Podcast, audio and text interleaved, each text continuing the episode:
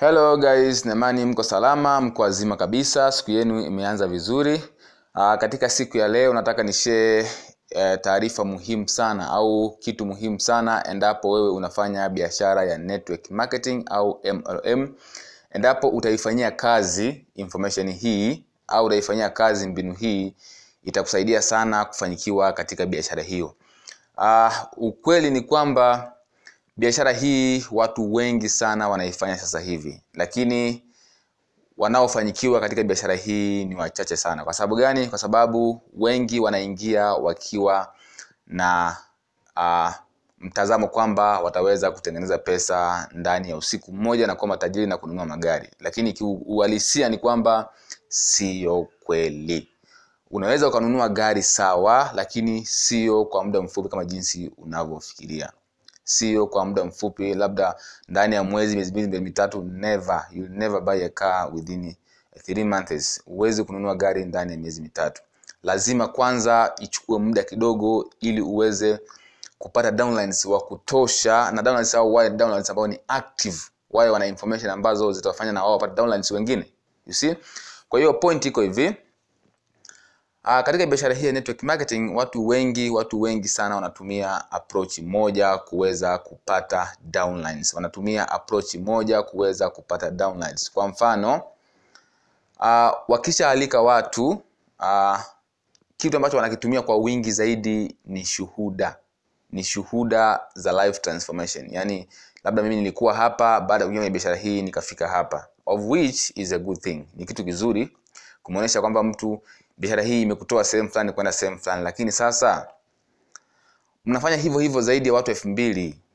Kwa hiyo wateja sasa hivi au watu sasa hivi wameshaona kwamba hiyo ndio mbinu pekee ambayo kila mtu wa network marketing anaitumia. Kuonesha kwamba unaweza kukaa ndani ya mwezi mmoja ukanunua gari. Kiuhalisia ni kwamba watu wanaingia wakiwa na mentality hii wakiwa na mentality hiyo akishakaa ndani ya mwezi hajapata gari anaacha. You see? Lakini kiukweli ni kwamba biashara hii unaweza kufanya vizuri endapo tu wewe ni mvumilivu na kii ya biashara hii na ufunguo katika biashara hii sio kuingiza watu haraka haraka au kuwaambia wajiunge na wewe hapana. Kii ambayo itakusaidia wewe kupata downlines wengi watajiunga na wewe wao wenyewe bila wewe kuwaambia.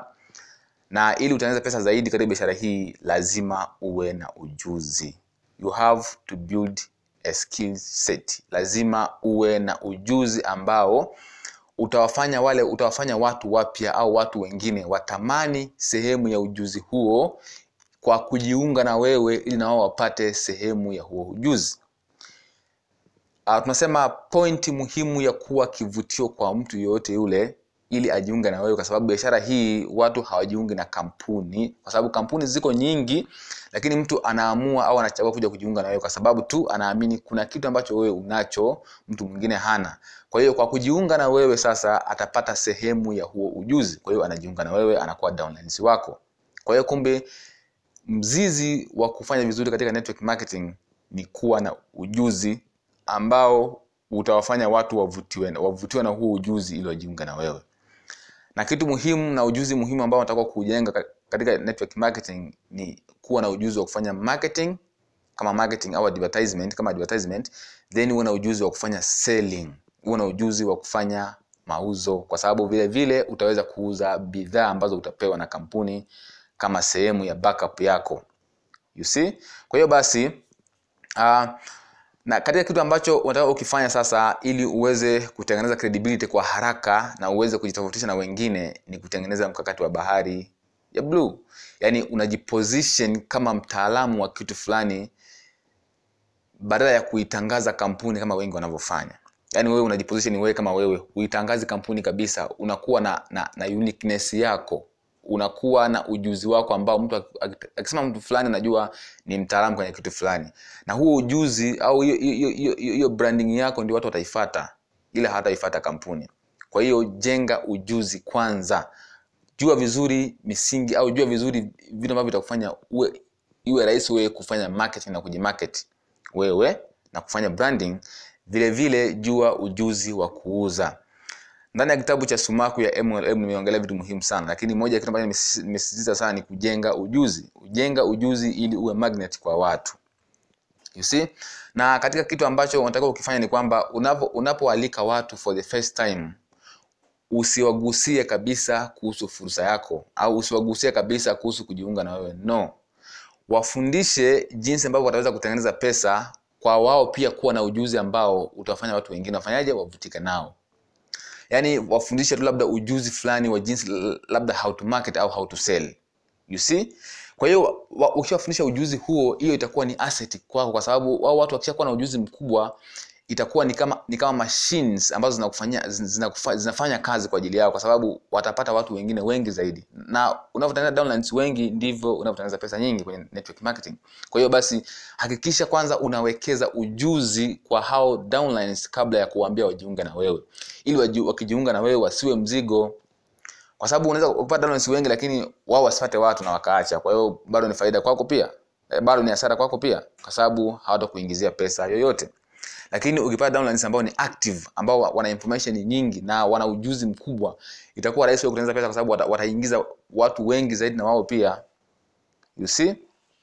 Uh, kwa hiyo basi msingi muhimu wa biashara hii ni kujenga kwanza ujuzi.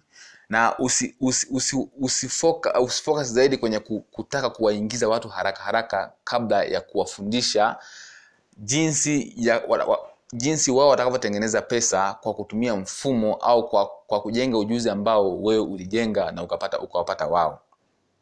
You see? Kwa hiyo wape knowledge ambayo wewe unaitumia kwenye, kwenye kupata downlines na ambao wao wataitumia pia kupata downlines wengine. Kwa hiyo una transform knowledge. Lakini sasa watu wengi wanafanya kwamba akishaingiza watu wanamwacha kama alivyo. Hampi company yote hampi support. Kwa hiyo unakuta huyu mtu sasa anakata tamaa anaacha tu au hapati downlines wengine kabisa kwa sababu hana ujuzi wa kuweza kufanya prospecting wa kuweza kufanya inviting ya watu wa kuweza kufanya marketing wa kuweza kufanya selling hana. Kwa hiyo unakuta mtu anaishia kuacha biashara na kushindwa na mwishowe kwanza kulaumu, kulaumu biashara lakini kumbe, kumbe tatizo sio biashara tatizo ni wewe mwenyewe. Kwa hiyo tatizo kubwa kwenye biashara hii sio biashara au sio mfumo wa kwenye biashara. Tatizo lipo kwenye wale wanaoingia kwenye biashara. Je wana skill je wana, wana, wa, wa, wana, wana mbinu za kuuza kwa sababu utataka- pia uuze bidhaa kwa sababu utapewa bidhaa kama backup kwenye kampuni. Kwa hiyo unatakiwa uwe na ujuzi wa kuuza na uwe na ujuzi wa kufanya marketing. You see? Kwa hiyo ni kitu cha msimu sana. Uh, mtu mmoja uh, kwa jina la Mark Dillard anasema kwamba biashara hii inafanywa na watu ambao biashara hii ni marketing lakini inafanywa na watu ambao hawajui kumarket walio wengi bado wanapata shida ya kufanya marketing you see? Yani inifike mtu tuambiane ukweli kwamba biashara hii ukifanya vizuri ninalipa. Ni system nzuri ambao uki, ukiweza kuifanya kama professional inakulipa sana. Na ukadedicate muda kwenye kutafuta information. I'm telling you hakuna kitu ambacho kitakufanya ukue kwenye biashara yoyote ile hasa hii ya network marketing kama kutokuwa na taarifa. Ukisha ukishakuwa huna information au huna skill huwezi fika popote kwa sababu watu hawatajiunga na wewe watu wanajiunga, watu wanajiunga na mtu ambaye ana information ambazo zinawasaidia wao kukua pia. Kwa hiyo mzizi mkubwa wa biashara hii ni kuwa na information. Ukisoma kile kitabu vizuri cha sumaku ya network marketing au mlm kule ndani kuna skills nyingi sana ambazo nimekupa ambazo ukizifanya vizuri za kusaidia. zile skills zitumie kufundishia watu wengine ambao watatamani kujiunga na wewe. Kwa hiyo kile kitabu kimeze kama kilivyo kunywa kama kilivyo. Then zile skills zitumie katika uhalisia. Take action tumia kuwafundisha watu wengine kwa sababu ili, ili watu wengine waone kwamba una kitu cha, cha kuwapa ili wajiunge na wewe. Huo ndio mzizi wa, wa, wa, wa network marketing ambao utakufanya wewe uweze kukua vizuri katika biashara hii. Kwa hiyo hakikisha kabisa una ujuzi. Jenga ujuzi. Tafuta information za kutosha. Jiposition nje na ndani ya mtandao kama mtaalamu wa kitu fulani. You see unaweza ukamaster marketing vizuri na ukawa unafundisha watu kuhusu marketing kwa hiyo mtu anaona kwamba ah, huyu jamaa anajua marketing vizuri kwa, kwa nini nisi- nisijiunge naye na mimi ni- nipate sehemu ya ujuzi wake? Kwa hiyo unashangaa anakuwa downlines wako. Kwa hiyo watu wanafuata ujuzi wako hawakufuati wewe. Na wala hawafuati kampuni. Watu wana shida na kampuni. Kampuni haiwahusu kabisa. Wao wanataka tu jinsi watakavyofaidika na kutengeneza pesa kwa kutumia mfumo ambao wewe unautumia. Si, kwa hiyo ni kitu cha msingi sana. Kwa hiyo usifocus kwenye kuonesha watu shuhuda tu za mafanikio. Focus kwenye kuwafundisha na kuwaonesha jinsi watakavyopata mafanikio hayo pia kwa hiyo wafundishe mfumo ambao watatumia nao watengeneze pesa ambazo hao hii shuhuda ambayo unawaonyesha walitumia kutengeneza usifocus kwenye kuwaonyesha shuhuda wa- waonyeshe how. Don't show them the thing show them how they can get the thing. Yaani waoneshe jinsi watakavyotengeneza pesa kama jinsi yule mtu ambaye ameonyesha shuhuda alivyotengeneza. Kwa hiyo hiyo ndio kitu ambacho unaweza kukifanya vizuri utapata mafanikio makubwa sana kwenye biashara hiyo ya network marketing. Nimekuwa nikipata maswali mengi sana kuhusu biashara hii. Ukweli ndio huo, ni kwamba wekeza kwenye maarifa, wekeza kwenye information. Kwa hiyo mtu ambaye ananunua kitabu kwa ajili ya kujifunza, huyo mtu mwogope, kwa sababu baada ya muda fulani hatakuwa the same. Ukisoma kitabu kimoja ukamaliza, hautakuwa yule wa awali, kwa sababu utaongeza taarifa zingine mpya na zitakufanya uende mbele zaidi. Ili uonekane tofauti, tunasema lazima uwe na information tofauti lakini ukiwa na taarifa kila mtu zile zile itafika muda utakuwa au tofauti na kila mtu sasa. Na watu wanataka watu wenye utofauti. Na biashara hii watu wengi sana wanafanya. Na wanafanya kwa sababu tu fulani anafanya. Lakini ukweli ni kwamba ukimuuliza kiundani zaidi anafanya kwa sababu gani hawezi kukupa jibu. Lakini ukweli ni kwamba ukitumia focus kubwa na kutumia nguvu nyingi kujenga uwezo kwanza kujenga skili kujenga mbinu kwanza kujenga ujuzi kwanza kabla ya kuingia utapata utafanikiwa sana kwa sababu watu utakuwa kivutio kwa watu na watu watakufuata. Kuna watu they are making very good money in this business. Wanafanya wanapesa, wanapata pesa nyingi sana kupitia biashara hii kwa sababu tu walijenga ujuzi kwanza wakamasta kitu fulani then kile kitu kikatumika kama silaha kama kama kama kama dhahabu ya kuwavuta watu wengine kujiunga na wao. Kwa mfano unaweza kutengeneza pesa bila kutegemea downlines kwa kufanya kitu hichi hapa. Unaweza ukatumia ujuzi wako labda ukaandika labda ebook au kitabu kwamba jinsi nilivyo- nilivyo- nilivyopata downlines hamsini ndani ya mwezi mmoja au jinsi ninavyosponsor watu hamsini ndani ya mwezi mmoja na uka, uka share skills zako pale. Watu wanapenda kununua taarifa kuliko hata kufanya kitu. You see? Ndio maana information kuhusu gari fulani zinaweza zika- zikauza kuliko hata kununua gari gari lenyewe. Kwa sababu watu wanapenda kujifunza kitu kuliko hata kukifanya. Kwa hiyo unaweza ukauza information kuhusu biashara hiyo au kuhusu ujuzi wako bila kutegemea downlines na, na mwisho wako unatengeneza pesa nzuri tu. Ndio maana kuna kitu nimekizungumzia kwenye kitabu kinaitwa the U Ink. U Ink maana yake unajigeuza wewe kuwa biashara bila kutegemea kampuni. Yaani wewe unakuwa biashara kwa, kwa, kwa kugeuza ujuzi wako kuwa bidhaa ambayo unaiuza sokoni na ukatengeneza pesa.